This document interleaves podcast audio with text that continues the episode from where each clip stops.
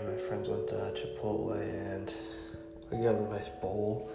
And uh, all my friends were asking me, they were like, How come you always get the bowl? You gotta get the burrito.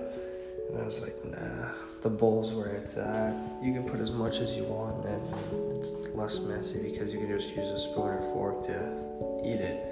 And then there I was getting the burrito that is size of a football,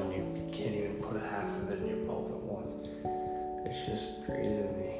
They should just step it up and get the bowl like I do. Makes no sense to me, but hey, it's their food, not mine.